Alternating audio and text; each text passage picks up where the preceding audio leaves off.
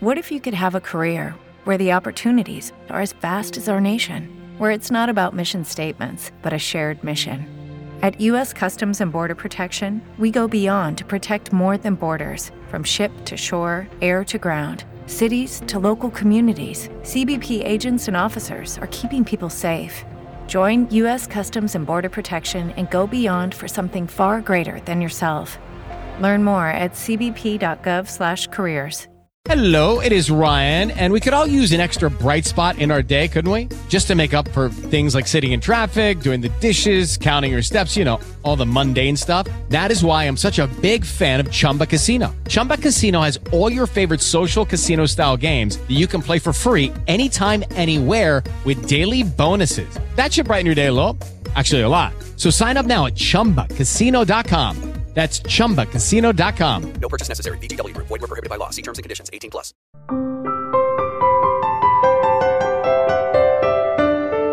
Danışan kitab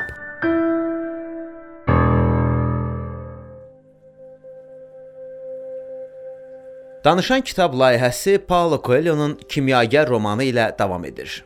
Bazardakı hadisədən sonra çantasından udim və tumim daşlarını daha çıxarmırdı, çünki Misir arzusu onun üçün tacirin Məkkə arzusu kimi xam xəyal idi. Öz işindən razı idi və daim gəmidən Tarif limanına məğrur halda dönməyi təsəvvür edirdi.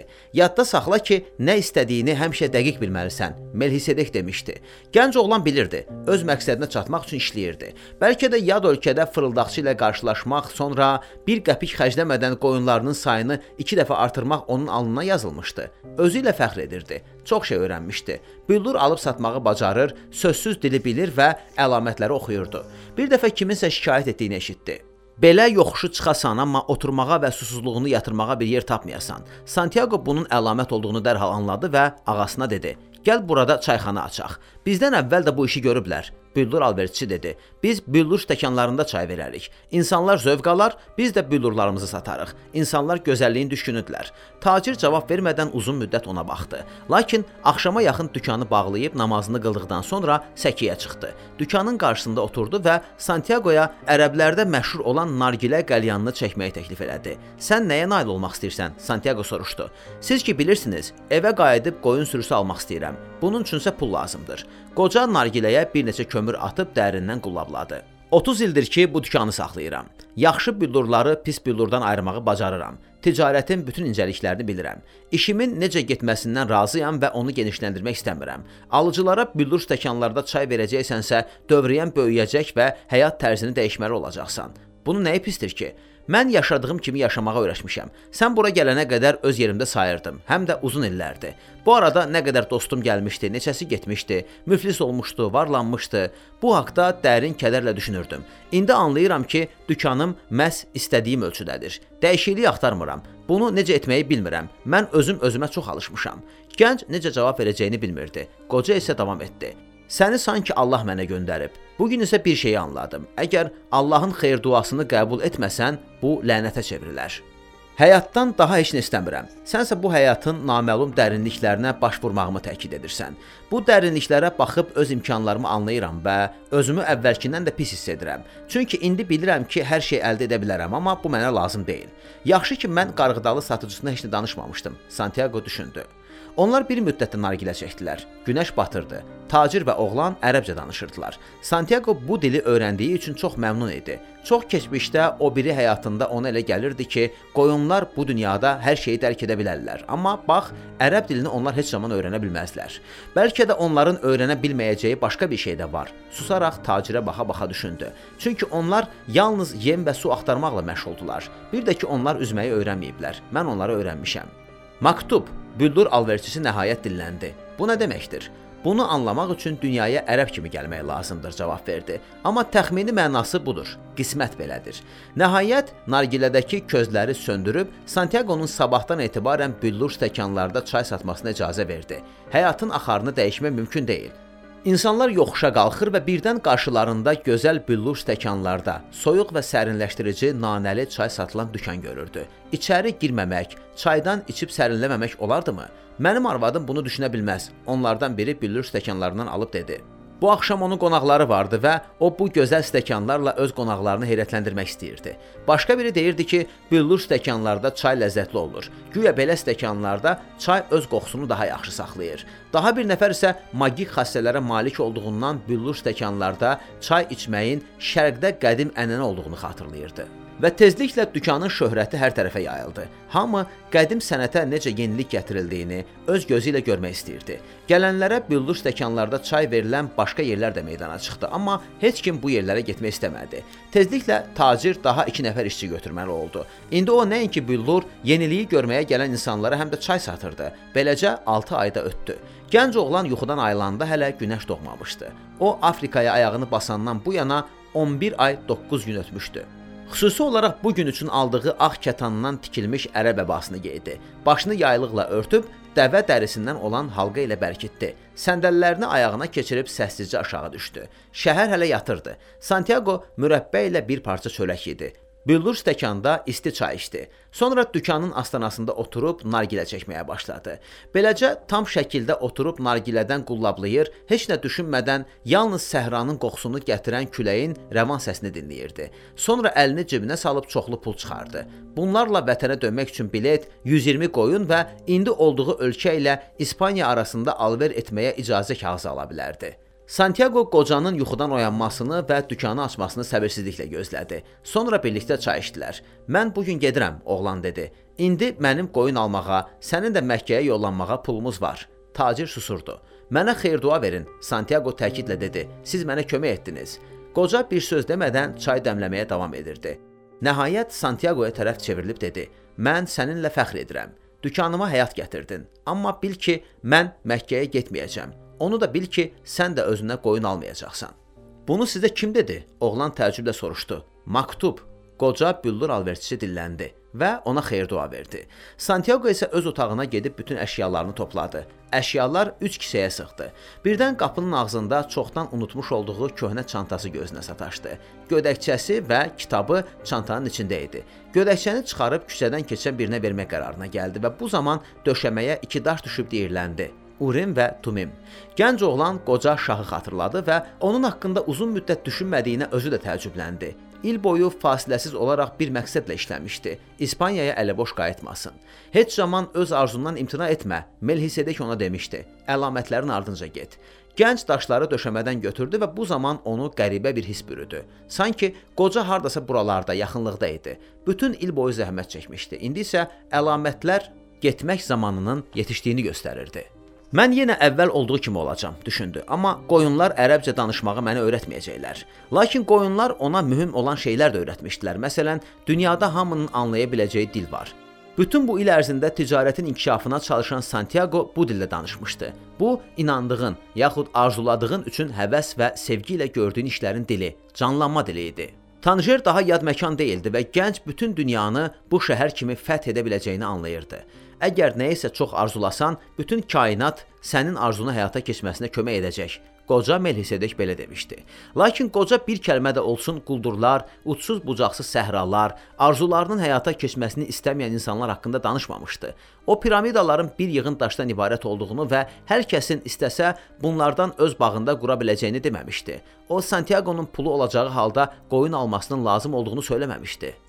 Santiago çantasını götürdü və onu başqa əşyaların yanına qoydu. Pilləkənlərlə aşağı düşdü. Tacir əcnəbilərə xidmət göstərir, daha 2 nəfər alıcı isə büllur stəkanlardan çay içə-içə dükanda var-gəl edirdi. Sübh çağı olsa da gələnlərin sayı çox idi. Yalnız indi Santiago gördü ki, tacirin saçları Melhisedekin saçlarına oxşuyur. O Tanjerdə olduğu ilk gündə getməyə yeri olmadığı vaxtda şirniyyatçı ilə rastlaşdığını və onun təbəssümünün də qoca şahın təbəssümünə bənzədiyini xatırladı. Sanki o buralarda olmuş və hər yerdə öz izini buraxmışdı, düşündü. Sanki bu insanlar ömürlərinin hansısa anında onunla görüşmüşdülər. Axı o mənə belə demişdi ki, öz yolu ilə gedənlərin həmişə yanında olur.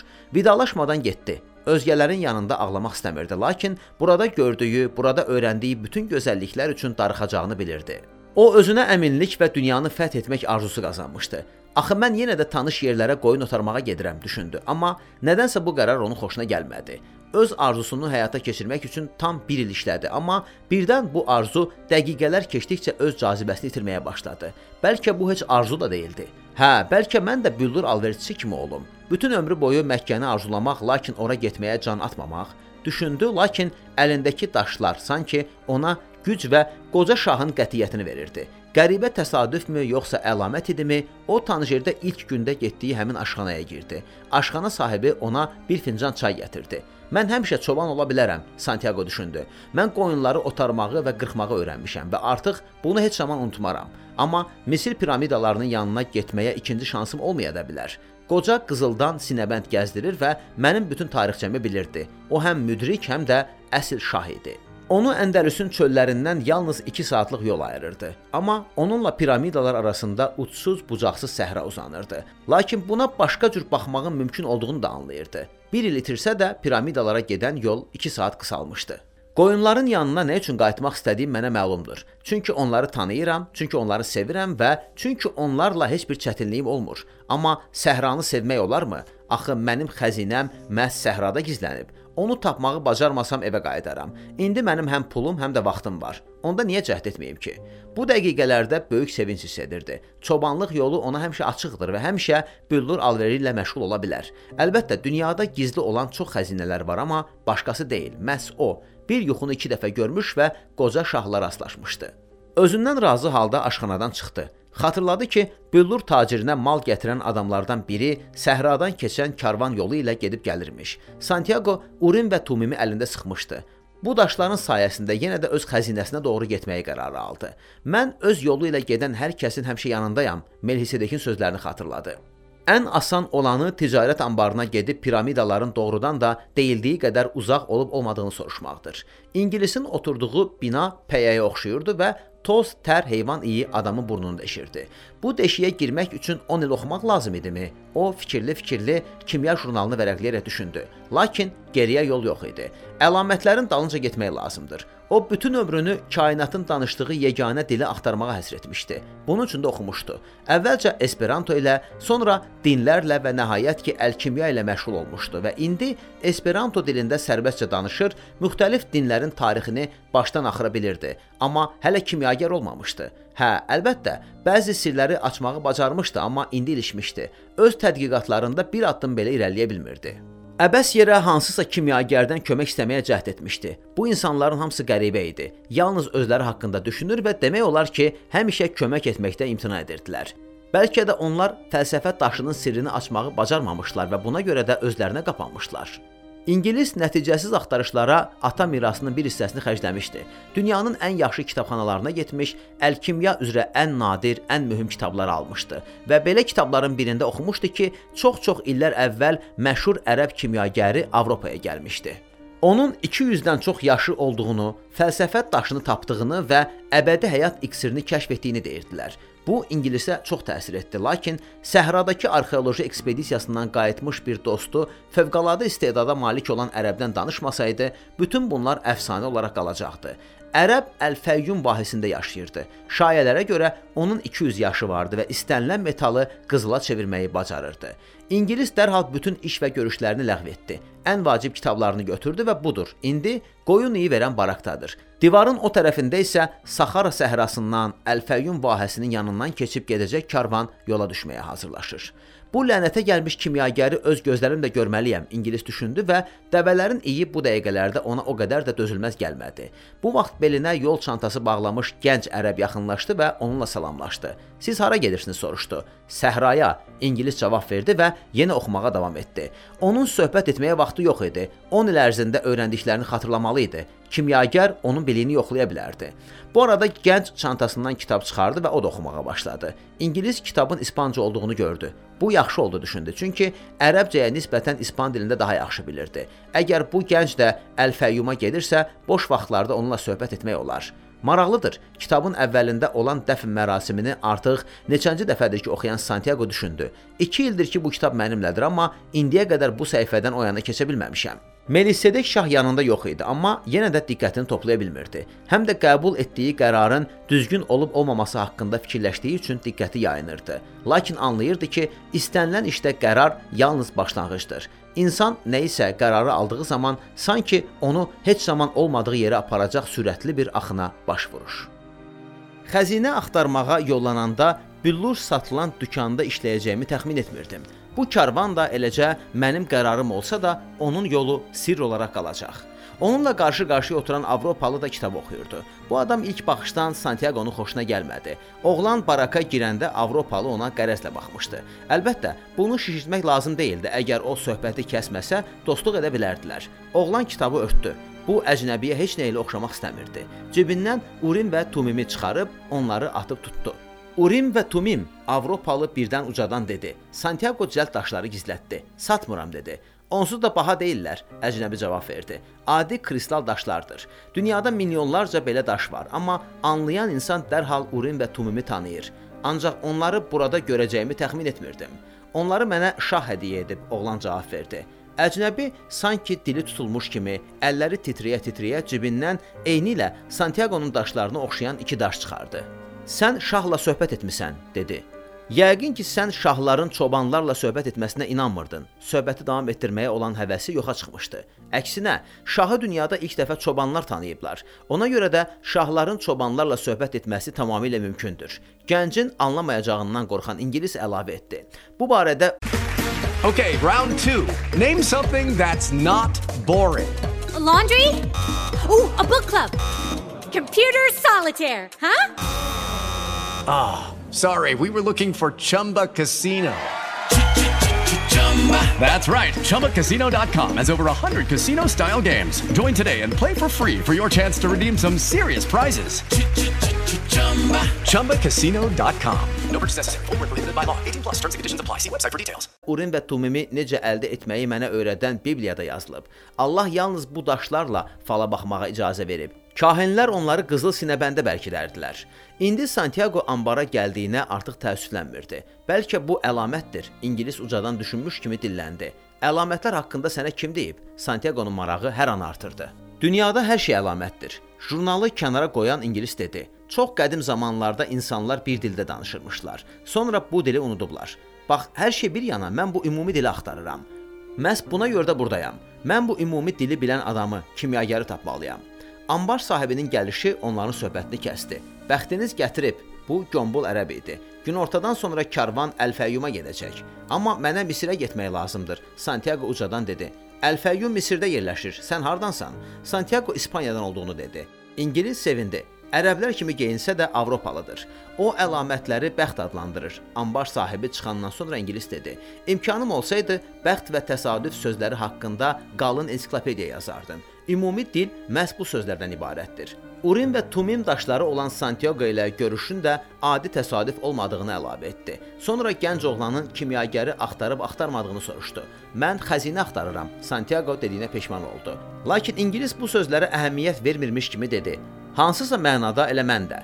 Əlkimyanın nə olduğunu yaxşı bilmirəm, Santiago dedi, amma bu zaman ambar sahibi onları çağırdı. Karvana mən bələdçilik edəcəyəm. Uzun saqqallı, qara gözləri olan bir nəfər həyətdə onlara dedi: "Mənimlə gedənlərin ölüm dirim məsələsi mənim əlimdədir. Çünki səhra Dəlisov xanım kimidir. Bəzən insanların ağlını aparır. 200 nəfərə yaxın insan yola çıxmağa hazırlaşırdı. Dəvələrin, atların, eşşəklərin sayı isə 2 dəfə çox idi. İngilisin kitab dolu bir neçə çamadanı vardı. Qadınlar, uşaqlar və kəmərlərində qılınc, bellərində tüfəng olan kişilər həyətdə toplandılar. Ağız deyəni qulaq eşitmirdi. Ona görə də bələdçi sözlərini bir neçə dəfə təkrarlamalı oldu. Burada müxtəlif insanlar toplanıb və onlar fərqli allahlara dua edirlər. Mən isə tək Allahı tanıyıram. Buna görə də ona and içirəm ki, səhraya qalib gəlmək üçün bütün gücümlə çalışacağam. İndi isə hər kəs inandığı Allahına and içsin ki, vəziyyət necə olursa olsun, mənim dediklərimi yerinə yetirəcək. Səhrada itaətsizlik ölümə bərabərdir. Boğuq səslər eşidildi. Hər kəs öz Allahına dua edirdi. Santiago Məsihə müraciət etdi. İngilis isə susmuşdu. Bu lazım olduğundan uzun sürdü. İnsanlar göylərdən yardım və himayə istəyirdi. Sonra şeypur səsi eşidildi və hamı yəhərləndi. Santiago və İngilis aldıqları dəvələrə çətinlik çəkmədən mindilər. Gənc oğlan yol yoldaşının ağır çamadanları dəvəyə yüklədiyini görüb heyvana yazığı gəldi. Hə, təsadüflərə inanmıram. İngilis yarımçıq qalmış söhbəti davam etdirirmiş kimi dedi. Məni bura dostum gətirdi. O ərəb dilini bilirdi və onun sözləri yerindən tərpənən karvanın səs-küyündə batıb qaldı. Ancaq Santiago ingilisin nə demək istədiyini yaxşı bilirdi. Biri-biri ilə əlaqəli olan hadisələr arasında sirli halqalar mövcuddur. Məhz bu onu çoban olmağa, eyni yuxunu 2 dəfə görüb Afrika sahillərinin yaxınlığında yerləşən şəhərə gəlməyə, burada şahla qarşılaşmağa, fırıldaqçının qurbanı olub büllur satılan dükanda işləməyə vadar etdi. Öz yolunla nə qədər uzağa getsən, bu yol sənin həyatını daha çox müəyyənləşdirəcək. Gənc oğlan düşündü. Karvan qərbə doğru hərəkət edirdi. Sübh tezdən yola çıxır, günortanın istisində düşərgə salıb dincəlir, yandırıcı istinin keçməsini gözləyir və sonra yenə yoluna davam edirdi. Santiago ingilislə az danışırdı. Onun başı kitablara qarışmışdı. Gənc oğlan onunla bərabər səhranı keçən yoldaşlarına susaraq baxırdı. İndi onlar yolun başlanğıcındakı insanlara oxşamırdılar. O zaman qarışıqlıq hökm sürürdü. Qışqırıqlar, uşaq hıçqırtıları, atların kişnərtisi, tacirlərin və bələdçilərin həyəcanlı səslərinə qarışmışdı. Burada səhrada isə sükutu yalnız aramsız əsən küləyin vıyıltısı və heyvanların ayaqları altında qalan qumun xışıltısı pozurdu. Hətta bələdçilər də susmuşdular. Mən bu qumlardan dəfələrlə keçib getmişəm. Gecə vaxtı çarvadarlardan biri digərinə dedi. Amma səhra o qədər böyük və uçsuz bucaqsızdır ki, özünü biixtiyar qum dənəsi hesab edirsən. Qum dənəsi isə dilsiz ağızsızdır, laldır. Santiago səhrada ilk dəfə olsa da çarvadarın nə dediyini anlayırdı. O özü dənizə yaxud alova saatlarla baxır, heç nə haqqında düşünmür və bir kəlmə də danışmırdı. Sanki təbiətin sonsuz gücündə əriyib gedirdi. Mən qoyunlardan, büllurlardan öyrəndim, düşündü. İndi isə səhra məni öyrədəcək. O əvvəl gördüklərimdən də qədim və müdrikdir. Külək isə buralarda bir anda olsun sakitləşmirdi və Santiago tarix qülləsində dayandığı zaman onun əsməsini necə hiss etdiyini xatırladı. Elə həmin külək onun Əndəlüs çöllərində yem və su axtaran qoyunlarının yununu da tərpətməli idi. İndi onlar daha mənim deyillər. Qəmginlik hiss etmədən düşündü. Yəqin ki, məni unudub yeni çobana öyrəşiblər. Lap yaxşı. Səyahət edən hər kəs kimi qoyunlar da ayrılığın qaçılmaz olduğunu bilirlər. Mahutçunun qızını xatırladı. Yəqin ki də o ərə gedib. Kimə? Bəlkə qarğıdalı satan adama, yaxud da oxumağı və maraqlı əhvalatlar danışmağı bacaran çobana. Axı bunları bilən təkcə Santiago deyil. Nədənsə bunlara əmin olması gəncə böyük təsir etmişdi. Bəlkə o ümumi dil anlayır və dünyadakı hər kəsin indisini və gələcəyini bilir. Hissiyat onun bu istedadını anası belə adlandırmışdı. İndi anlayırdı ki, bu bütün insan talelərinin bir-birinə bağlı olduğu kainatın həyat selinə sürətlə dalmaqdır. Biz hər şeyi bilə bilərik, çünki hər şey artıq yazılıb. Maktub, bülbül alverçisini xatırlayan gənc dilləndi. Qumlu səhra bəzən daşlı səhraya çevrilirdi. Əgər karvanın qarşısına qaya parçası çıxsaydı, onun ətrafına dolanıb keçərdilər. Əgər daşlı sahəyə rast gəlsəydi, yola biraz aralıdan davam edərdilər. Əgər qum yumşaq və xırda olsaydı, dəvələrin batıb qalmaması üçün başqa yol axtarardılar. Bəzən qarşılarına duzlu çöllər çıxırdı. Bu nə vaxtsa buralarda gölün olduğu deməkdir və dəvələr şikayətlə nərildəyirdi. Çarvadarlar tələsir, onları tumarlayıb sakitləşdirir, sonra yükləri çiyinlərinə alır, yolun etibarsız hissəsini beləcə keçirir və yenidən dəvələri, atları yükləyirdilər. Əgər bələdçi xəstələnsəydi, yaxud ölsəydi, onun dəbələrini kimin aparacağından ötürü püşk atardılar. Bütün bunlar bir səbəbdən baş verirdi. Karvan nə qədər istiqamətini dəyişsə də, neçə dəfə dövrə vursa da, məqsəddən yayınmadan hərəkət edirdi. Karvan maneələri dəf edərək vahənin yerini göstərən ulduza doğru yenidən irəliləyirdi. Sübh səmasında parıltını görən insanlar bilirdi ki, ulduz onları sərinliyin, suyun, palmaların, qadınların olduğu yerə aparır. Təkcə kitablardan ayrılmayan ingilis isə buna diqqət etmirdi. İlk günlərdə Santiago-da oxumağa cəhd etmişdi, lakin sonra anladı ki, ətrafa baxmaq və küləyin səsini dinləmək daha maraqlıdır. O öz dəvəsini anlamağı öyrəndi. Ona bağlandı və sonra kitabı tamamilə atdı. Əvvəlki kimi hər dəfə kitabı açdıqda maraqlı bir şeyə rast gələcəyinə inansa da, onun əlavə yük olduğunu başa düşdü. Yanaşı gedən çarvadarla dostlaşdı. Axşamlar düşərgə salıb tonqal yandıranda Santiago ona çoban həyatından maraqlı əhvalatlar danışırdı. Bir dəfə çarvadar özü haqqında danışmağa başladı. Mən Əl-Qayrumun yaxınlığındakı kiçik kənddə yaşayırdım. Evim və bağım vardı. Uşaqlarım vardı. Ölənə qədər belə yaşamağa razı idim. Bir dəfə məhsul bol olanda qazandığım pullarla ailəlikcə Məkkəyə getdik. Beləcə mən dindar kimi öz borcumu yerinə yetirmişdim və artıq təmiz vicdanla ölə bilərdim. Hər şeydən razı idim. Lakin yer titrədi, zəlzələ oldu. Nil öz sahilindən çıxdı. Əvvəllər mənə aid olmadığını düşündüyüm şeylər indi mənə də toxundu. Qonşularım zeytun ağaclarının məhv olacağından qorxurdu. Arvadım uşaqlara görə təşviş içində idi. Mən əldə etdiyimiz, qazandığımız hər şeyin məhv olmasına dəhşətlə baxırdım. Bundan sonra torpaq məhsul vermədi. Başqa yolla dolanışığımızı saxlamağa məcbur idim. Beləcə çarvadar oldum. Bu vaxt Allah kəlamının mənası mənə aydın oldu. Müəmmalardan qorxmaq lazım deyil, çünki hər kəs istədiyini, ehtiyacı olduğunu əldə edə bilər. Biz hamımız əldə etdiklərimizi itirməyə qorxuruq. Fərqi yoxdur. Bunlar əkib biçdiklərimiz yaxud həyatımızın özü olsun. Amma həm öz tarixçəmizin, həm dünya tarixinin bir əldən yazıldığını anlasaq, bu qorxu keçib gedər. Bəzən iki karvan rastlaşırdı. Hələ elə hal olmamışdı ki, bir karvanın ehtiyacı olduğu şey başqa yolçularda tapılmasın. Sanki doğrudan da dünyada hər şey bir əl tərəfindən yazılmışdı. Çarvadarlar bir-birinə tozlu fırtınalardan danışır və tonqalın ətrafında oturaraq səhranın şıltaqlıqlarını müşahidə edirdilər.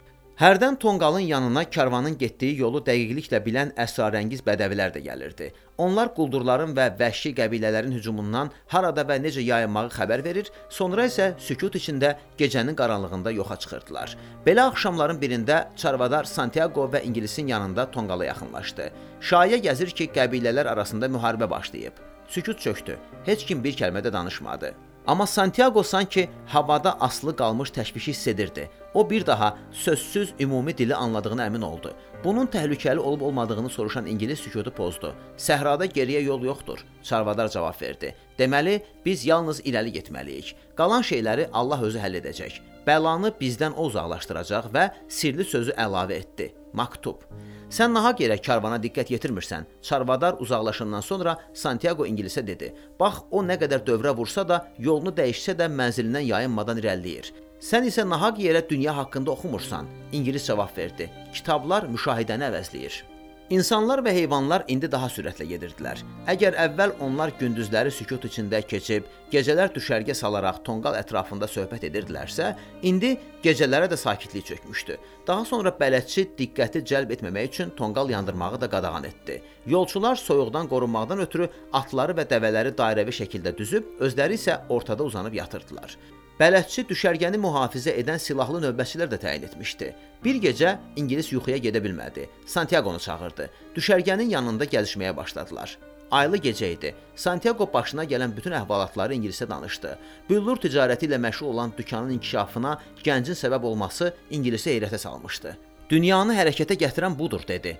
Əlkimya da bu, dünyanın ruhu adlanır. Sən haçan bütün qəlbinlə necə arzulasan, dünyanın ruhuna daxil olursan. Burada isə böyük qüvvə toplanıb və bu təkcə insanlara xas deyil. Dünyada mövcud olan hər şeyin, daşların, bitkilərin, heyvanların, hətta idrakın da ruhu var. Yer üzündə olan hər şey daim dəyişir, çünki yer özü də canlıdır və ruha malikdir. Biz hamımız bu ruhun bir parçasıyıq, amma onun xeyrimizə çalışdığını özümüz bilmirik. Ancaq sən dükanda işləyərkən anlamalı idin ki, hətta büllur da sənin uğur qazanmağına kömək edib. Santiago susmuşdu. Gah aya, gah da ağ quma baxa-baxa dinləyirdi. Mən karvanın səhrada necə keçib getməsini gördüm, nəhayət dilləndi. Səhra onunla eyni dildə danışır. Buna görə də irəliləməsinə icazə verir. Səhra onun hər addımını yoxlayıb sınağa çəkir və özü ilə karvanın uyğunluğunu əmin olduqda onu vahəyə buraxacaq.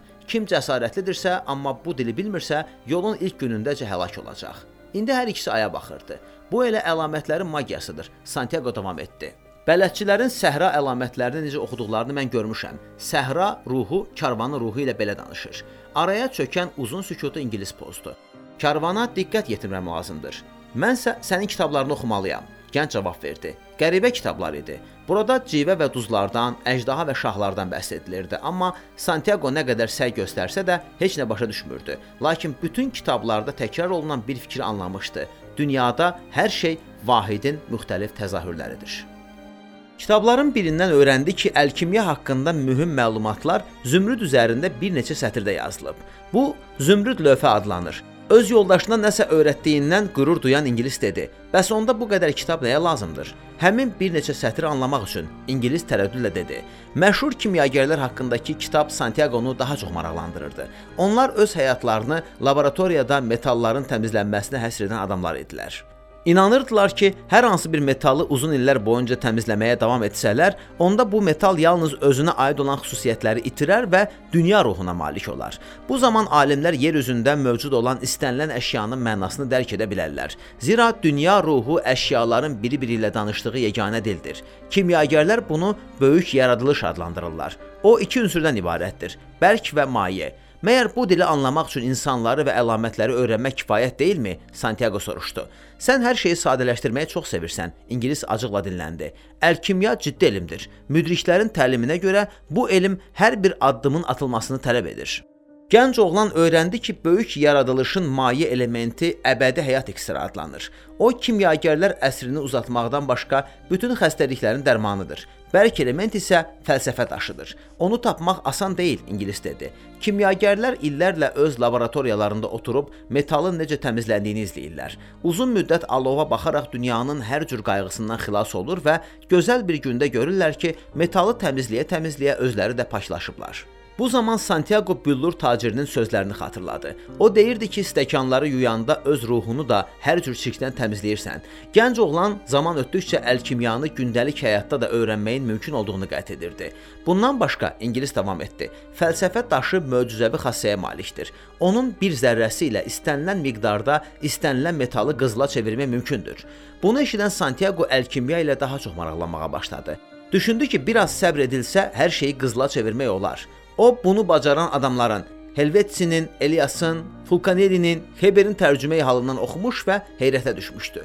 Bu insanlar öz yollarını sona qədər getməyə nail olublar. Onlar dünyanı səyahətə çıxıblar, müdriklərlə görüşüblər. Tərəddüd edən insanları inandırmaq üçün möcüzələr göstəriblər. Fəlsəfə daşına və əbədi həyat iksirinə yiyələniblər. Santiago böyük yaradılışın nə olduğunu kitablardan anlamağa çalışanda dalana dirənirdi. Burada qəribə rəsmlər, anlamsız mətnlər, şifrələnmiş göstərişlər vardı. Onlar niyə belə qəliz yazırlar? Bir dəfə axşam kitablarından məhrum olduğuna görə kədərlənən ingilisdən soruşdu. Çünki yalnız bunun məsuliyyətini dərk edən adamlar onları anlaya bilər, ingilis cavab verdi. Hamı qurğuşunu qızıla çevirməyi bacarsa, təsəvvür et ki, nə baş verə bilər. Tezliklə qızıl öz dəyərini itirər. Yalnız inadkar və elmli insanlara böyük yaradılışın sirri agah olur. Mən isə müəmmalı yazıların şifrəsini açmaqda kömək edəcək əsl kimyagerlə görüşmək üçün səhralara düşdüm. Bəs bu kitablar nə vaxt yazılıb? Çox-çox With the Lucky Land slots, you can get lucky just about anywhere. This is your captain speaking. Uh, we've got clear runway and the weather's fine, but we're just going to circle up here a while and uh, get lucky. No, no, nothing like that. It's just these cash prizes add up quick. So I suggest you sit back, keep your tray table upright, and start getting lucky. Play for free at LuckyLandSlots.com. Are you feeling lucky? No purchase necessary. Void where prohibited by law. 18 plus terms and conditions apply. See website for details. With Lucky Land slots, you can get lucky just about anywhere. Dearly beloved, we are gathered here today to. Has anyone seen the bride and groom? Sorry, sorry, we're here. We were getting lucky in the limo and we lost track of time. No, Lucky Land Casino, with cash prizes that add up quicker than a guest registry. In that case, I pronounce you lucky. Play for free at LuckyLandSlots.com. Daily bonuses are waiting. No purchase necessary. Void where prohibited by law. 18 plus. Terms and conditions apply. See website for details. Əsrlər qabaq. O vaxtlar tipoqraf dəzgahları hələ yox idi. Santiago etiraz etdi. Onsuz da əlkimyanı öyrənmək hər adamın işi deyil. Bütün bunlar niyə müəmmalı dillə, sirli rəsmlərlə qələmə alınıb? İngilis cavab vermədi. Yalnız bir qədər susduqdan sonra əlavə etdi ki, neçə gündür karvanı diqqətlə müşahidə edir, lakin yeni heç nə görməyib. Səyahətçilər təkcə qəbilələr arasındakı müharibədən daha tez-tez danışmağa başlayıblar. Günlərin birində Santiago İngilisin kitablarını geri qaytardı. "Hə, sən bunlarda nə anladın?" İngilis ümidlə soruşdu. O həyəcanını yatırmaq üçün kiminləsə söhbət etmək istəyirdi. Anladım ki, dünyanın ruhu var və kim bu ruhu dərk etsə, mövcud olan hər şeyin dilini başa düşər. Bir də onu anladım ki, kimyagerlərin çoxu öz yolunu tapıb dünya ruhunu, fəlsəfə daşını və əbədi həyat iksirini kəşf etmişlər. Gənc oğlan dedi və özlüyündə bunları düşündü. Ən əsası isə anladım ki, bütün bunlar çox sadə olduğundan zümrüd lövhədə yerləşə bilirlər. İngilis məyus oldu. Nə magik simvollar, nə müdrik sözlər, nə kolbalar Santiagoya heç bir şey təsir etməmişdi. O bunları anlamaq üçün çox primitivdir, ingilis düşündü. Kitabları çamadana yığıb dəvəyə yüklədi. Öz karvanını öyrən, o dedi. Mənim kitablarımın sənə xeyri olmadığı kimi, onun da mənə elə bir xeyri dəymədi. Santiago yenə də gözlərini sükut içində olan səhraya dikdi və dəvənin ayaqları altında əzilən qum dənəciklərinə baxdı. Öyrənmək üçün hər kəsin öz üsulu var düşündü. Mənim üsulum ona, onun üsulu isə mənə yaramaz. Lakin biz hər ikimiz öz yolumuzu axtarırıq və mən buna görə ona hörmət edirəm. Karvan gecələr də yol gedirdi. Zaman-zaman bədəvilər görünür, Bələdçiyə nə isə xəbər verirdilər. Santiago ilə dostlaşmış çarvadar qəbilələr arasında müharibənin başladığını dedi. Əgər karvan vahəyə çata bilsə, bu böyük uğur olacaq. Dəvələr və atlar əldən düşmüşdülər. İnsanlar daha çox susqunluq içində idi. Əvvəllər adi hesab edilən at kişnərtisi yaxud dəvə fınxırtısı gecənin səssizliyində hamını qorxuya salırdı. Çünki bu düşmənin yaxınlaşdığını bildirən əlamət ola bilərdi. Amma çarvadarı yaxınlıqda olan təhlükə qorxutmurdu. Mən yaşayıram. Bir dəfə ayın çıxmadığı və tonqalların yandırıldığı gecədə o Santiagoya dedi: "Bax mən xurma yeyirəm və deməli başqa bir şeylə məşğul deyiləm. Gedirəmsə deməli yalnız gedirəm, başqa heç nə etmirəm. Əgər döyüşmək lazım gələcəksə, onda başqa günlər kimi həmin gündə ölmək üçün əlverişli olacaq. Çünki mən nə keçmişdə, nə də gələcəkdə yox, indi yaşayıram və məni yalnız bu an maraqlandırır.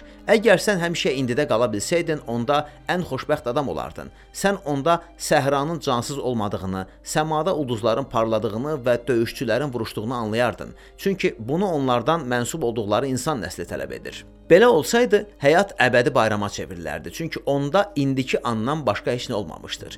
2 gündən sonra yolçular gecələməyə hazırlaşanda Santiago vahənin yolunu göstərən ulduza baxdı. Ona elə gəldi ki, üfüq xətti aşağı düşüb. Səhra üzərindəki səmada yüzlərlə ulduz parlayırdı. Bax ora vahədir, çarvadar dedi. Bəs onda nə üçün ora getmirik? Çünki yatmalıyıq. Günəş doğanda Santiago gözlərini açdı.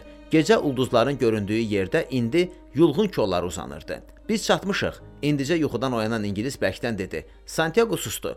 O bunu səhrada öyrənmişdi və indi sadəcə ağaclara baxmaq ona kifayət edirdi.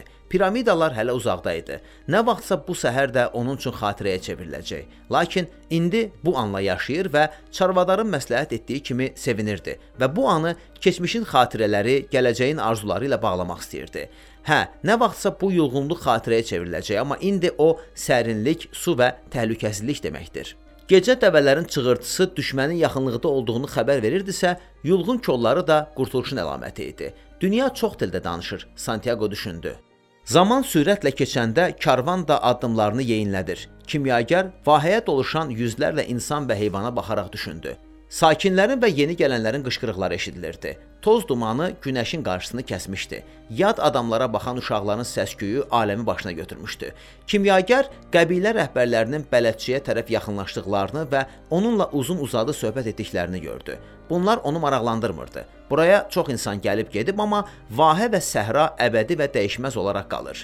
O küləyin iradəsi ilə öz formasını dəyişsə də, yenə əvvəlki kimi qalan bu qumlara şahın da, nökərin də ayaq basdığını görmüşdü. Buna baxmayaraq göy səmanı və sarı qumları əvəzləyən yaşıl yulğunluq qarşısında hər bir səyahətçinin keçirdiyi sevinç hissi ona da sirayət etmişdi. Bəlkə də Allah səhranı ona görə yaradıb ki, insan ağaclara baxıb gülümsəsin, o düşündü. Sonra isə daha çox praktiki məsələlərə fikrini cəmləmək qərarına gəldi. O bilirdi, əlamətlər ona demişdi. Bu karvanla elə bir adam gələcək ki, kimyager öz gizli elminin bir hissəsini ona öyrətməlidir. Kimyager bu adamı tanımasa da, təcrübəli baxışları ilə onu kütlənin içindən seçə biləcəyinə əmin idi və ümid edirdi ki, o öz sələfindən pis olmayacaq. Yalnız bir şeyi anlamıram. Bildiklərimi niyə onun qulağına pıçıldamalıyam? Kimyager düşündü. Əlbəttə, bunlar sirr olduğuna görə deyil, çünki Allah bütün möcüzələrində onları üzə çıxarır. Kimyager buna bir izah tapa bilirdi. Ötürülməli olan şey sözlərlə yaxud rəsmlərlə təsvir edilməsi çətin olan səhv həyatın məhsuludur. Çünki insanlar sözlərə və rəsmlərə aludə olaraq sonunda ümumi dili unutmağa meyllidirlər. Yeni gələnləri yubanmadan yerli qəbilə rəhbərlərinin yanına apardılar. Santiago gözlərinə inanmırdı. Vahə tarix kitablarında yazıldığı kimi 2-3 palma ağacından və su quyusundan ibarət deyildi. İspan kəndlərindən dəfələrlə böyük idi. Burada 300-ə yaxın quyu, 50 min palma ağacı vardı. Onların arasında isə sonsuz sayda müxtəlif rəngli çadırlar qurulmuşdu. Min bir gecə kimyagerlə tez bir zamanda görüşmək istəyən ingilis dedi. Onları dəvələrə, atlara və insanlara maraqla baxan uşaqlar əhatəyə aldılar. Kişilər yolçuların müharibə görüb görmədiklərini soruşur, qadınlar isə tacirlərin hansı ipəkdən gətirdiklərini bilmək istəyirdilər. Səhranın sükutu keçmişdə qalmış yuxu kimi idi. Hər tərəfdə söhbətlər gedir, gülüş və qışqırıqlar eşidilirdi və sanki yolçular əvvəl cisimsiz ruh imişlər. İndi yenidən ət və sümükdən olan insana çevrilmişdilər. Onlar razı və xoşbəxt idilər. Çarvadar Santiagoya izah etdi ki, vahələr heç vaxt kiminsə mülkü olmayıb. Çünki Burada əsasən qadınlar və uşaqlar məskunlaşırlar. Hesab edilirdi ki, onlar heç kimin tərəfini tutmazlar. Ona görə də döyüşçülər vahələri sığınacaq kimi saxlayar və biri-biri ilə səhrada müharibə edərdilər. Bələdçi çətinlik çəkmədən hamını bir yerə toplayıb elan etdi ki, qəbilələr arasında müharibə bitməyənə qədər karvan vahədə qalacaq. Yolçular qanunun əmr etdiyi kimi yerli sakinlərin çadırlarında rahatlanacaqlar. Bundan sonra o kimin silahı varsa təhvil verməsini xahiş etdi. Gecələr karvanı mühafizə edənlər də istisna deyildilər. Müharibənin qanunu belədir, izah etdi. Vahə əskər və döyüşçüləri qəbul edə bilməz. İngilis cibindəki tapançanı çıxarıb silah toplayana verəndə Santiago çox təəccübləndi. Tapança nəyinə lazımdır? Gənc soruşdu. İnsanlara etibar etməyi öyrənmək üçün İngilis cavab verdi. O axtardığını tezliklə tapacağına görə çox razı görünürdü. Santiago isə öz xəzinəsi haqqında düşünməyə başladı. Arzusunu həyata keçirməyə yaxınlaşdıqca daha çox çətinliklərlə rastlaşırdı. Qoca şah Melhisedekin dediyi "naşıların bəxti gətirir" sözü daha keçmirdi. Amma Santiago anlayırdı ki, indi öz yolunu axtaran insanın inad və cəsarəti özünü göstərir. Buna görə də nə tələsə, nə də səbrini itirə bilməzdi. Yoxsa Allahın qoyduğu əlamətləri görməyəcəkdi. Allahın qoyduğu əlamətlər Bu fikirdən təəccüblənərək öz-özünə təkrar etdi. İndiyə qədər ona elə gəlirdi ki, bu əlamətlər aclıq və susuzluq kimi, iş yaxud məhəbbət axtarışı kimi dünyanın bir hissəsidir. Düşünmürdü ki, bu Allahın ondan nə istədiyini göstərmək üçün danışığın dilidir. Tələsmə, öz-özünə dedi. Çarvadarın dediyi kimi, yemək vaxtı ye, yolun zamanı gələndə isə yola düş. Birinci gün ingilisdə daxil olmaqla hər kəs onun yolundan çəkildi. Santiago-nu yaşıdları olan 5 nəfərlə bərabər çadıra yerləşdirdilər. Onların hamısı yerli idi və buna görə də insanların böyük şəhərlərdə necə yaşadıqlarını öyrənməyə həvəsli idilər. Santiago bu gənclərə qoyun otarmağından danışdı. Büllur dükanındakı işindən bəhs etmək istəyirdi ki, ingilis çadıra girdi. Səhərdən səni axtarıram. Santiago-nu çölə çıxararaq dedi: "Mənə lazımsan. Kimyagəri tapmağa yardım et." İki gün kimyagəri axtardılar. Onun başqaları kimi yaşamadığını və ehtimal ki, çadırında həmişə ocaq yandığını düşünürdülər. Vahəni başdan başa gəzir və onun nə qədər böyük olduğunu indi anlayırdılar. Bütün günümüz hədər getdi. Quyunun yanında oturan ingilis dedi. Onun haqqında soruşmaq lazımdır, Santiago cavab verdi. Lakin ingilis tərəddüd edirdi. Onun üzə çıxmasını istəmirdi. Çarəsizlikdən razılaşdı və ərəbcə yaxşı danışan Santiagodan xahiş etdi ki, kimyager haqqında məlumat toplasın. Gənc oğlan quyudan su götürməyə gələn qadına tərəf döndü. "Salam, bilmirsiz kimyagəri necə tapmaq olar?" Qadın bu barədə heç zaman eşitmədiyini deyib dərhal uzaqlaşdı. Həm də cavab verməzdən əvvəl Santiagoya xəbərdarlıq etdi ki, adət-ənənələrə hörmət etməlidir və qara geymiş ərli qadınlarla danışmamalıdır. İngilisin məyusluğunun həddi-hüdudu yox idi. Bu qədər uzun yolu boş yerə qət etmək. Gənc oğlan da onun üçün kədərlənmişdi. Axı ingilis öz yolunu axtarırdı. Bu vəziyyətdə Melhisedekin dediyinə görə kainat insanın uğur qazanması üçün hər şey edir. Doğrudanmı qoca şah səhv edib? Əvvəllər heç zaman kimyager haqqında eşitməmişəm dedi. Yoxsa sənə kömək etməyə çalışardım. İngilisin gözləri parıldadı. Hə, əlbəttə, ucadan dedi. Burada onun kimyager olduğunu heç kəs bilmir. Hər cür xəstəliyi sağalda bilən adam haqqında soruşmaq lazımdır. Quyunun başına qara paltarlı bir neçə qadın yığıldı, lakin ingilis nə qədər xahiş etsə də Santiago onlara sual vermədi. Nəhayət bir kişi göründü. Burada bütün xəstəlikləri sağalda bilən bir adam tanıyırsınızmı? Gənc oğlan soruşdu. Bütün xəstəlikləri yalnız Allah sağaldar. Kişi təşvişlə yadəlilərə baxaraq cavab verdi. Siz cadugərləri axtarırsınız? O Qurandan bir neçə surə deyib yoluna davam etdi. Bir müddət sonra başqa kişi quyuya yaxınlaşdı. Yaşlı idi, əlində vedrə vardı. Santiago həmin sualı bu kişiyə də verdi. Belə insanlar nəyinizə lazımdır? Mənim dostum onu tapmaq üçün uzun yol gəlib. Əgər bizim vahədə beləsi varsa, onda o çox qüdrətli insan olmalıdır. Bir qədər düşündükdən sonra qoca dedi: "Hətta qəbilə rəhbərləri də onu istədikləri vaxtı görə bilməzlər. Yalnız o özü istəsə, qəbilə rəhbərləri ilə görüşər. Müharibənin bitməsini gözləyin. Sonra buradan çıxın gedin. Bizim vahənin həyatına burnunuzu soxmayın." deyib getdi. İngilis izə düşdüyünü hiss edərək çox sevindi. Nəhayət quyunun yanına qara geyimli subay qadın və çiynində küzə tutmuş qız yaxınlaşdı. Onun başında şal vardı, amma üzü açıqdı. Santiago ondan kimyager haqqında soruşmaq qərarına gəldi və yaxınlaşdı. Bu an sanki zaman durdu və dünya ruhu bütün qüdrəti ilə onun qarşısında dayandı. Bu qızın qara gözlərinə gülümsəməkmi, yoxsa yumulub qalmaqmı deyə tərəddüd edən dodaqlarına baxan Santiago bir anda dünyanın danışdığı, insan qəlbinin dərk etdiyi həmin dilin ən mühüm, ən müdrik hissəsini anladı. O məhəbbət adlanır. O insan nəslindən də, səhradan da qədimdir. Kişi və qadın gözləri bir-birinə baxanda o zühur edir. İndicə quyunun yanında bu baş vermişdi. Axır ki, qızın dodaqları gülümsəməyi qərarı aldı. Bu işarə idi. Santiago'nun özü də bilmədən uzun müddət gözlədiyi, öz qoyunlarında və kitablarda, büllurda və səhranın sükutunda axtardığı həmin əlamət idi. Bu tərcüməyə və izaha ehtiyacı olmayan ki, sonsuzluğa doğru gedən kainat da bunlara ehtiyac duymadığı kimi saf və anlaşılan bir dil idi. Santiago həmin an yalnız bir şeyi anladı. Öz adaxlısının qarşısında dayanıb və qız da sözsüz bunu başa düşməlidir. O hətta valideynlərinin kim olduğuna tərəddüd edərdi, amma bunun belə olacağına tamamilə əmin idi.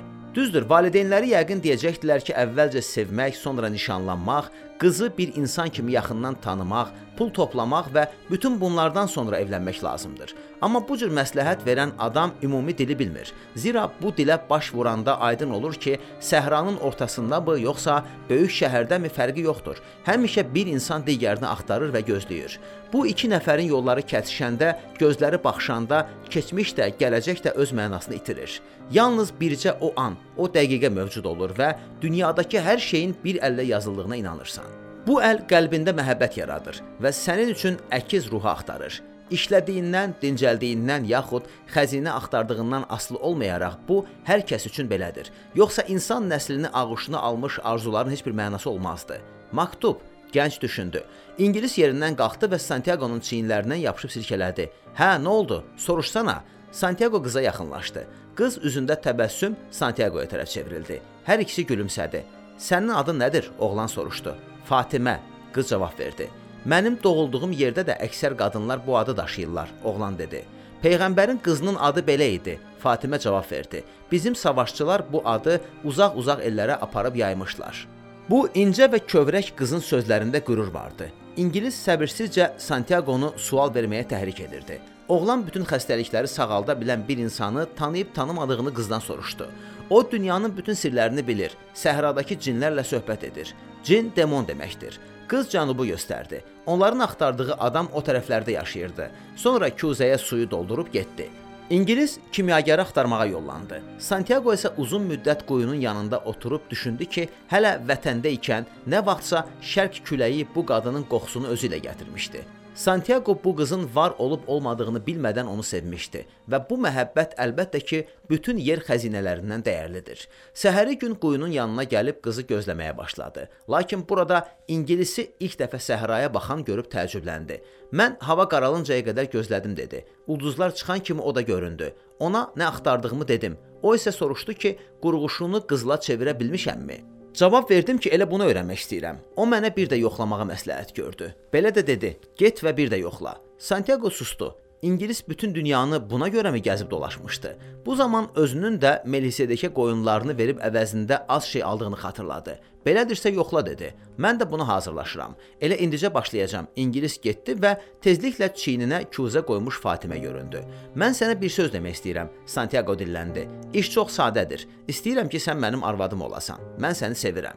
Heyrətdən donub qalmış Fatimə suyu dağıtdı. Səni burada gözləyəcəm. Mən piramidaların yanında gizlədilən xəzinəni tapmaq üçün səhralara düşmüşəm. Amma indi müharibə başlayıb. Əvvəlcə bunu lənətləyirdim.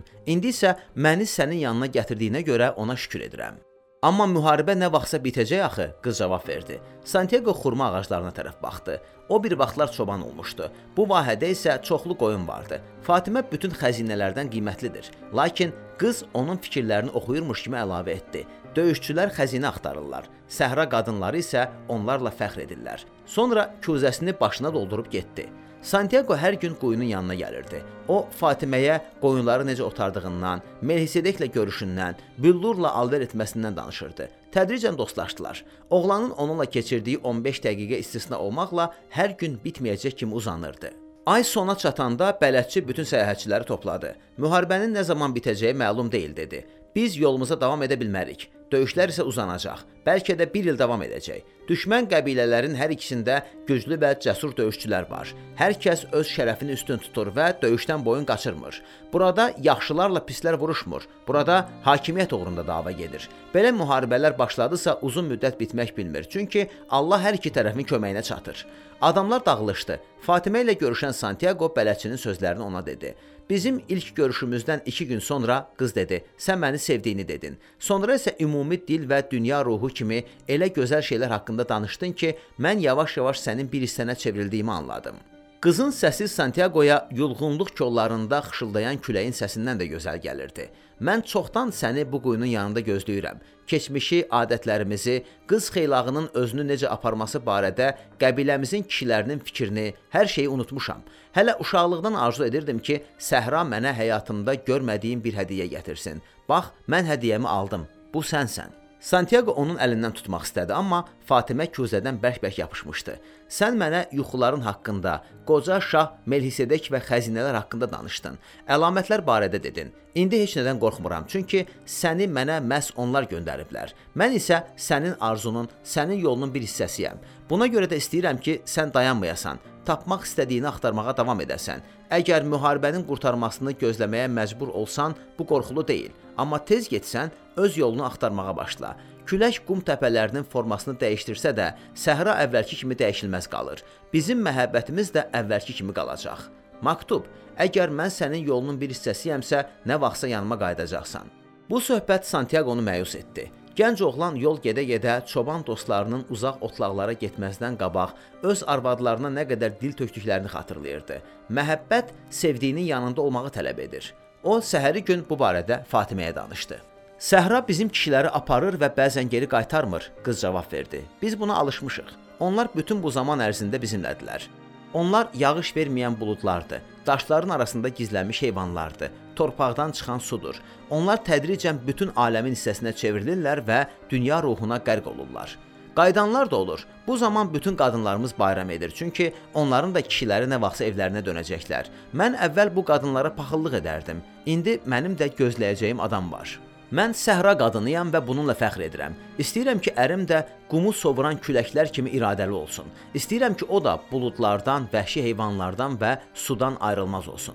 Santiago İngilisi axtarmağa yollandı. Ona Fatimə haqqında danışmaq istəyirdi, amma gördü ki, İngilis çadırın qarşısında ocaq yandırıb, üstünə də şüşə qab qoyub. Santiago təəccübləndi. İngilis ocağa çör-çöp atıb alovlandırır və səhraya tərəf baxırdı. Onun gözlərində kitab oxuyan günlərində olmayan bir parıltı vardı.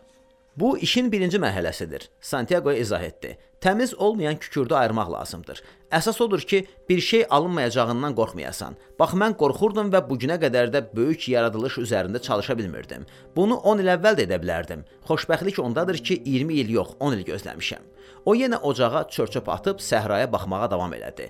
Batan günəşin şüaları qumluğu çəhrayı rəngə boyayana qədər Santiago onunla oturdu. Bu zaman özündə səhraya getmək arzusu hiss etdi. Qoy səhranın sükutu onun suallarına cavab verməyə cəhd etsin. Uzun müddət səhranı gəzib dolaşdı. Vahəni itirməmək üçün hərdən dönüb xurma ağaclarına baxırdı. Küləyin səsini eşidir, ayaqları altındakı daşı hiss edirdi. Bəzən qarşısına balıq qulağı da çıxırdı. Qədim zamanlarda bu səhranın yerində yəqin ki, dəniz olmuşdu. Sonra daşın üstündə oturub məftun baxışlarla üfüqə doğru baxdı. O qadına sahib olmadan məhəbbət təsəvvür etmirdi, amma Fatimə səhrada doğulmuşdu. Bunu da ona yalnız səhra öyrədə bilərdi. Başının üstündəki çırpıntını hiss edənə qədər heç nə düşünmədən beləcə oturdu. Gözünü qaldırıb səmaya baxdı və yüksəklikdə uçan iki qırğı gördü. Santiago onların səmada dövrə vurmasına uzun müddət baxdı. Qırğılar sanki mənasız və məqsədsiz uçurdular, amma oğlan onların uçuşunda anlaya bilmədiyi bir məna gördü. Onların bütün hərəkətlərini izləməyə qərarı aldı. Bəlkə bu zaman səhra qadına sahib olmadan məhəbbətin nə olduğunu ona anladacaq. Birdən yuxusu gəldi. Qəlbi sanki sən ümumi dili dərk etməyə yaxınsan. Bu diyarda hər şeyin, hətta qırğıların uçuşunun da mənası var deyərək yuxuya müqavimət göstərirdi. Santiago qəlbi məhəbbətlə dolduğu üçün taleyinə şükür etdi. İnsan sevəndə hər şeyin mənası olur, düşündü. Bu an qırğılardan biri digərinin üstünə şığıdı və oğlan bir anlıq qarabasma gördü. Əlində qılınc olan döyüşçülər vahəyə girirdilər. Dərhal da qeyb olan qarabasmadan sonra oğlan təşviş və həyəcan içində idi. İlğımlar haqqında çox eşitmişdi və özü də bir neçə dəfə səhra qumlarında insan arzularının necə cismanilik qazandığını görmüşdü. Lakin döyüşçülərin vahəyə girməsini qətiyyən istəmirdi. Santiago bu fikirləri başından atıb çəhrayı rəng almış səhraya baxmağa səy göstərdi. Lakin diqqətini cəmləməyə nəsə mane olurdu. Ürəyi isə həyəcanla dolmuşdu. Daim əlamətlərin arxasınca get. Şah Melhisedek ona öyrətmişdi. Oğlan Fatimə haqqında düşündü. Gördüyü ilğımı xatırladı və nəsə baş verəcəyini hiss etdi. Çətinliklə özünə gəldi. Ayağa qalxıb geriyə, xurma ağaclarına tərəf getdi. Dünya ona yenə də çox dildə danışdığını göstərmişdi. İndi artıq səhra deyil, vahə təhlükəli idi. Çarvadar palma ağacına söykənib oturmuşdu və qərbə doğru baxırdı. Bu zaman təpələrin arxasından Santiago göründü. Qoşun buraya yaxınlaşır dedi. Mən ilğım gördüm. Səhra ilğımlar yaratmağı sevir, Çarvadar cavab verdi. Amma oğlan qırğılar haqqında, onların uçuşunu izləyib birdən dünya ruhuna qərq olduğu barədə ona danışdı. Çarvadar təəccüblənmədi. O gəncin nə dediyini anlamışdı. Bilirdi ki, yer üzündə olan istənilən əşya bütün dünyanın tarixini danışmağa qabildir. Kitabın istədiyin səhifəsini aç, insanın əlinə bax, kartları düz, səmada qırğının uçuşunu izlə. Mütləq yaşadığın anla bir bağlılıq tapacaqsan. Burada əsas əşyalar deyil. İş orasındadır ki, insanlar onlara baxmaqla özləri üçün dünya ruhuna nüfuz etməyin üsulunu kəşf edirlər. Səhrada çox insan var ki, dünya ruhunu asanlıqla dərk etmək sayəsində özünə güzəran qazanır. Qadınlar və qocalar onlardan qorxurlar. Onlara kahin deyirlər.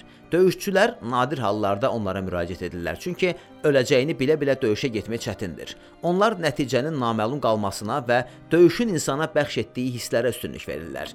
Gələcək uca Allah tərəfindən yazılıb və bu lövh-ü məhfuzda yazılanların hamısı insanların xeyrinədir. Döyüşçülər yalnız indi ilə yaşayırlar, çünki indi gözlənilməzliklərlə doludur. Buna görə də minlərlə müxtəlif şeylərə diqqət etmək lazımdır. Düşmənin qılıncı sənin başına hansı tərəfdən enəcək, onun atı necə çapacaq, həyatını qorumaq istəyirsənsə, zərbəni necə dəf edəcəksən.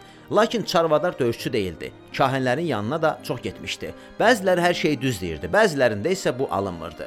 Bir dəfə onlardan ən qocası, ən çox da bu adamdan qorxurdular ki, ondan gələcəyi nə üçün bilmək istədiyini soruşmuşdu. Nə etmək lazım olduğunu bilmək üçün, ürəyimcə olmayan şeyləri dəyişmək üçün. Onda bu sənin gələcəyin olmayacaq axı. Yaxşı, gələcəkdə baş verəcək şeylərə hazırlaşmaq üçün deyim. Əgər yaxşı nəsə baş verəcəksə, bu xoş gözlənilməzlik olacaq. Yox əgər pis hadisələr olacaqsa, onu əvvəlcədən hiss edəcəksiniz. Mən başıma nələrin gələcəyini bilmək istəyirəm, çünki insanam, Çarvadar dedi. İnsanlarsa öz gələcəyindən asılıdırlar.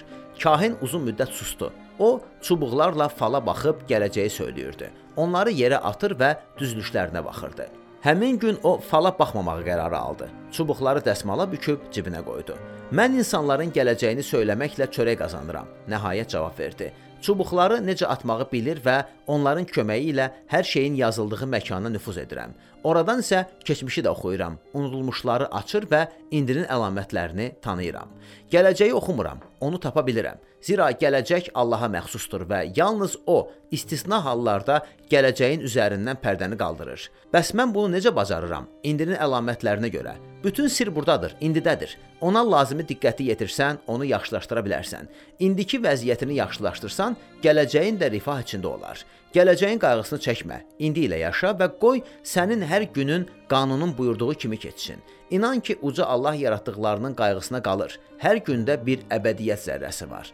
Çarvadar Allahın hansı istisna vəziyyətlərdə gələcəyi öyrənməyə icazə verdiyini soruşdu. O özü bu vəziyyətləri bilir. Bu çox nadir hallarda və yeganə bir səbəb üzündən baş verir. Əgər yazılmışı dəyişdirmək lazımdırsa, uca Allah bu oğlana gələcəyi göstərmişdi. Çarvadar indi düşündü. O bu gənci özünə alət seçib.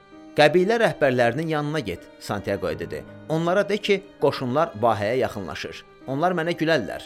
Yox, bunlar səhra insanlarıdırlar və deməli əlamətlə işarətləri diqqətdən qaçırmaq adətləri deyil. Belə də onlar hər şeyi özləri bilməlidirlər. Onlar bunun qayğısını çəkmirlər, çünki inanırlar ki, əgər Allahın iradəsi ilə nəyisə öyrənəcəklərsə, bunu kimsə gəlib onlara deyəcək. Əvvəllər də belə olub. İndi isə bu kimsə sən olacaqsan.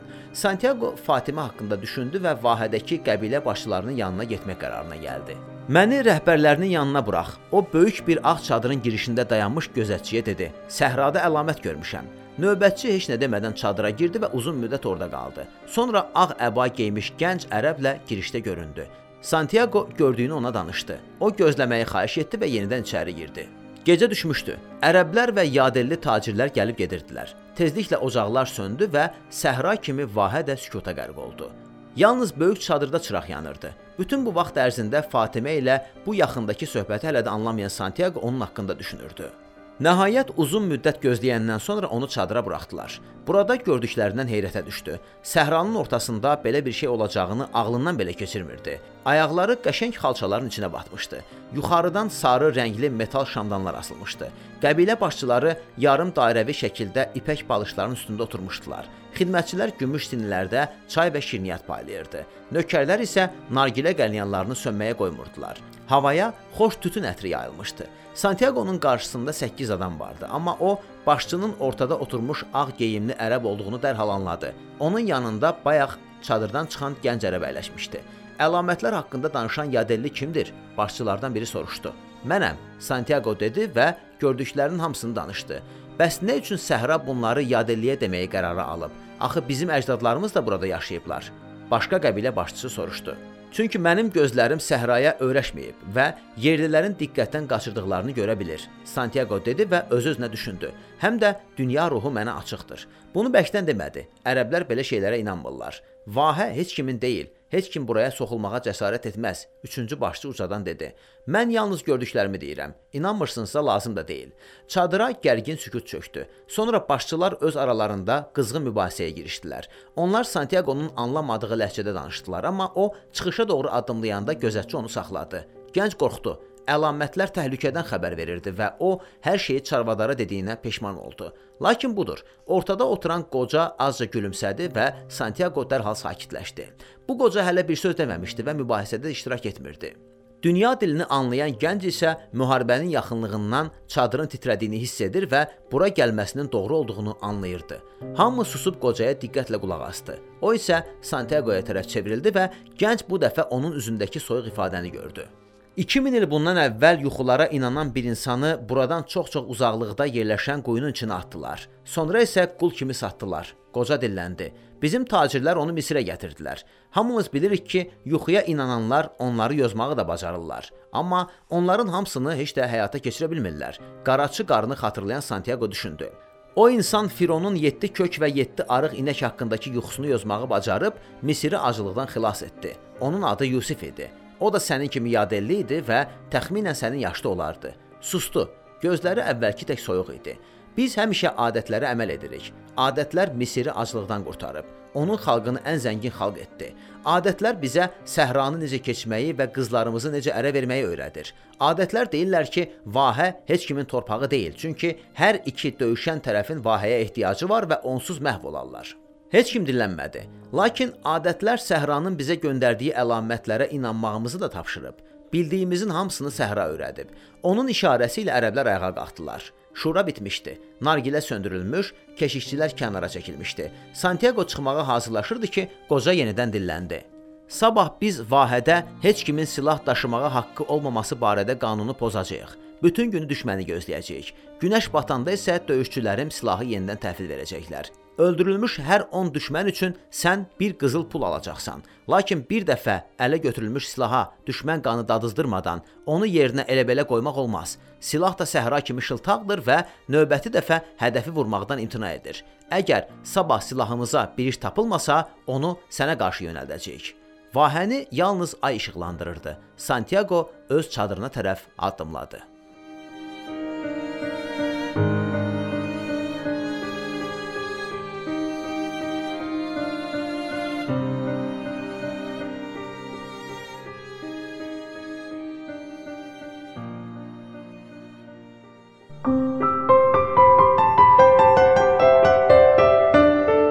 Danışan kitab